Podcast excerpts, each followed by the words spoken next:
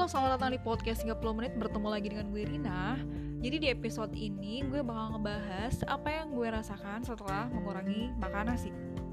Kali ini gue mau sharing progres apa sih yang gue dapetin setelah sebulan mengurangi nasi. Motivasi gue ngurangi nasi tuh bukan karena pengen diet atau ngurangi berat badan Sama sekali enggak. Jadi ceritanya, di bulan Februari kemarin hampir 30 hari dari pagi sampai malam gue full makan nasi dari nasi uduk dari makan siang tuh makan ayam penyet atau pecel lele atau pecel ayam terus malamnya dilanjut makan nasi goreng. Tapi jeleknya di sela makan siang dan makan pagi itu gue selalu ngemil di meja kantor gue. Ditambah setelah makan siang pasti gue beli kopi susu kalau enggak ngemil indomie kalau enggak makan coklat kalau enggak makan apalah jajanan ciki. Dan lanjut di malam habis makan nasi goreng itu gue pasti kalau enggak makan pisang bakar e, martabak martabak manis pancong apalah. Dan kalau misalkan di pagi hari pun gue minum teh manis hangat yang mana gulanya itu 2 sendok. Atau gue minum kopi gulanya tuh 2 sendok. Dan itu tuh kayaknya banyak banget guys. Memang pada dasarnya manjain perut tuh enak banget puas banget. Tapi bayangin aja produkti produktivitas gue itu berkurang banget minus banget jelek banget. Di mana dari jam 8 pagi gue berangkat kantor jam 8 malam gue pulang terus makan mandi ya udah tidur atau enggak ketiduran. Jam setengah sembilan kadang gue udah tidur dan jam setengah sembilan tuh bangun pagi ya jam 7 jam 6 dan itu tuh kayak masih lemas. Badan gue masih berat badan gue tuh masih malas untuk bangun perut gue tuh ngerasa penuh banget ketika gue rutin melakukan hal itu. Kembung yang harusnya tuh gue bisa melakukan sedikit hobi gue abis pulang kantor gue bisa baca buku gue bisa nulis gue bisa melakukan apa pun lah. Tapi bawaannya tuh males banget. Berat badan gue tuh kayak berat banget. Gimana sih? Kayak berat dibawa walau emang kadang gue selalu lari di weekend. Namun kebetulan bulan November sampai bulan Februari gue tidak diperbolehkan untuk lari karena cedera. Jadi di awal Februari yang harusnya gue udah mulai lari di bulan Februari ini gue sama sekali nggak melakukan lari. Karena mager karena badan gue udah berat gitu loh. Dan akhirnya sebelum bulan Februari kemarin berakhir ada kisah nih di malam itu. Jadi hari itu hari Jumat Jalan Kuningan Depok itu macet banget dan kebetulan kantor gue itu ada di Kuningan sekitar yang biasanya itu Depok Kuningan satu jam setengah atau dua jam tapi ini kayaknya hampir tiga jam setengah macet total. Di detik itu tuh gue nangis karena capek capek fisik capek banget. Secapek itu guys secapek itu sampai gue nangis. Mungkin kalian pernah di titik itu ya yang biasa melakukan perjalanan pulang kantor dua jam.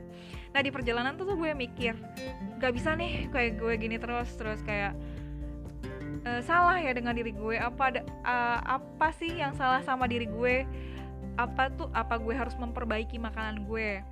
Dan akhirnya besoknya kan weekend. Gue tuh udah ya udahlah gue niat ini olahraga lagi yang benar emang karena badan gue udah nggak bener nih. Dari November emang udah nggak lari terus ditambah makanan gue udah nggak benar ya udahlah. Besok gue harus maksain diri untuk kembali lagi berlari emang nggak gampang. Kayaknya tuh gue kembali lagi mulai dari awal. Awalnya tuh gue lari 10 kilo dalam waktu satu jam atau satu jam 15 menit itu gue bisa tembus. Tapi di kemarin itu satu jam itu gue bisa tempuh hanya 5 kilometer. Tapi nggak apa-apa lah ya namanya proses lagi. Nah di awal Maret ini gue mencoba untuk memulai niat enggak sama uh, bukan enggak sama sekali untuk mengurangi nasi godaannya tuh yang paling besar adalah gue sanggup gak ya makan nasi? Eh gue sanggup gak ya kalau gue nggak makan nasi? Apa kalau misalkan gue nggak makan nasi itu lemes? Karena di pikiran gue itu ketika gue nggak makan nasi ya gue belum makan gitu loh. Kayak itu tuh kayaknya semua orang berpikir seperti itu. Berpikir hal yang sama seperti gue. Uh, kalau misalkan gue nggak makan nasi uh, gue loyo nggak ya? Gue lemes nggak ya? Gue bakal bisa beraktivitas nggak ya gitu loh. Tapi ternyata itu cuman mindset sih. Kalau misalkan emang gak dicoba kenapa? Maksudnya kita nggak tahu gitu prosesnya kayak progresnya gimana. Jadi bagaimana gue mau mulai? Pertama uh, di bulan Maret itu di awal bulan Maret gue mulai sarapan dari dua roti gandum terus selai kacang lalu susu. Itu tuh cukup banget ngeganjel perut sampai siang. Jadi yang biasanya kebiasaan gue ngemil antara jam-jam makan siang dan sarapan itu gue sama sekali nggak ngemil karena gue udah malas ngemil dan perut gue kenyang. Mungkin karena uh, uh, gizi di roti gandum itu seratnya banyak ya jadi emang bikin males ngemil. Terus oh iya dan kan jam makan pagi kadang di sela-sela itu habis minum susu di kantor gue biasanya minum kopi atau uh, teh. Nah di teh itu gue ganti gula gue dengan gula tropicana slim biasanya kan gue nuangin dua gula dua sendok uh, makan gula atau tiga sendok. Yang yang mana sekarang itu gue ganti gula gue dengan tropicana slim menjadi satu saset doang. Kan di topik Naslim itu dus satu dus itu biasanya ada 12 atau 16 tuh gue. Nah jadi cuma satu itu dan itu udah manis banget kok dan enak banget emang sih gula itu.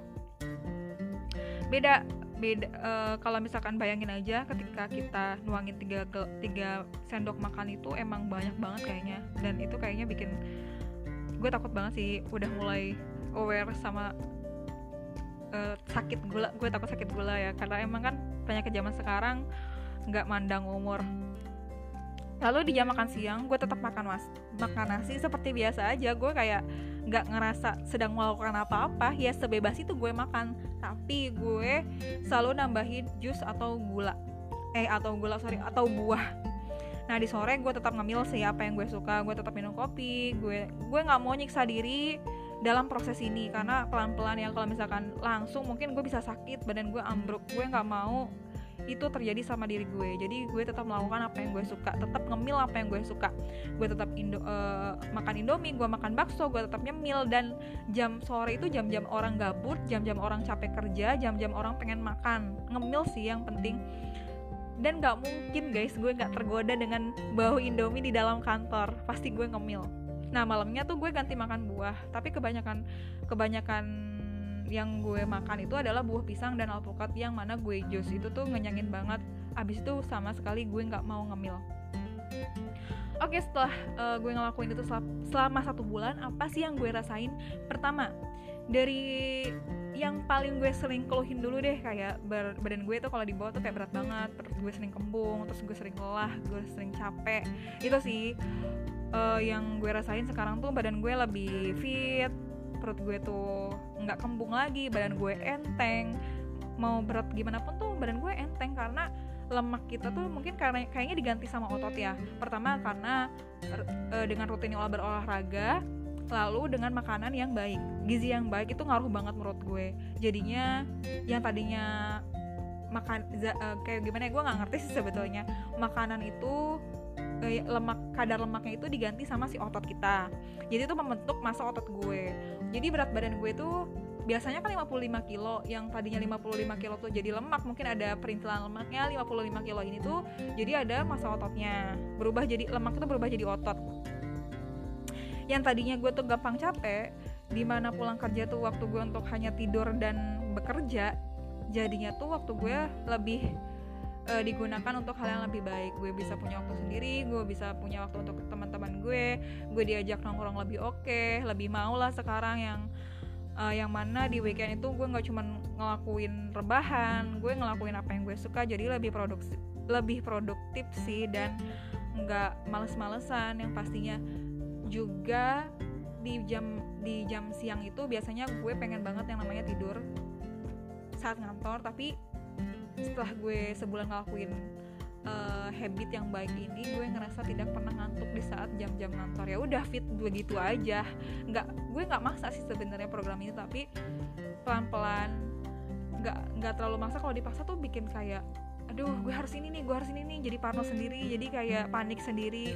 Ya sesantai itulah gue ngelakuin. Nah sebenarnya jadi mengurangi nasi itu nggak bikin lemas, nggak bikin loyo, nggak bikin kelaparan, menurut gue itu itu semua hanya mindset ya bayangin aja teman-teman gue yang vegan atau vegetarian mereka tuh sama sekali nggak makan nasi atau mereka tuh makan nasi tapi makan nasinya beras merah. Dan beras merah itu lo tau sendirilah seratnya tuh banyak banget. Jadi tuh mungkin ketika kita makan nasi putih mereka tuh cuma ngurangin setengahnya makan nasi merah. Lalu juga orang-orang vegan lo tau, sen tau sendiri mereka tuh makannya nggak ada sedikit pun yang berbau unsur hewan. Apalagi kalau dilihat orang-orang orang-orang yang makannya cuma singkong atau jagung mereka bisa kok nggak makan nasi. Mereka orang-orang luar juga nggak makan nasi bisa kok hidup. Kenapa gue enggak? Gitu loh. Malah e, mengurangi mengurangi nasi itu lebih positif. Karena diri gue sendiri tuh emang udah banyak banget gula yang gue serap di tubuh gue. Itu tuh bikin gak sehat sih. Gue udah gue udah ngeri banget sama takut gimana sih uh, gue udah ngeri banget yang namanya sakit di usia muda. Gue nggak mau itu terjadi sama diri gue. Eh, karena pada dasarnya tubuh kita itu lebih banyak membutuhkan protein. Jadi gitu sih uh, kisah gue kisah positif yang gue rasakan selama satu bulan gue mengurangi nasi di ke dalam tubuh gue. Sekian sharing dari gue. Terima kasih udah ngedengerin podcast 30 menit. Sampai di, sampai jumpa di episode selanjutnya. Hasta la vista baby and see you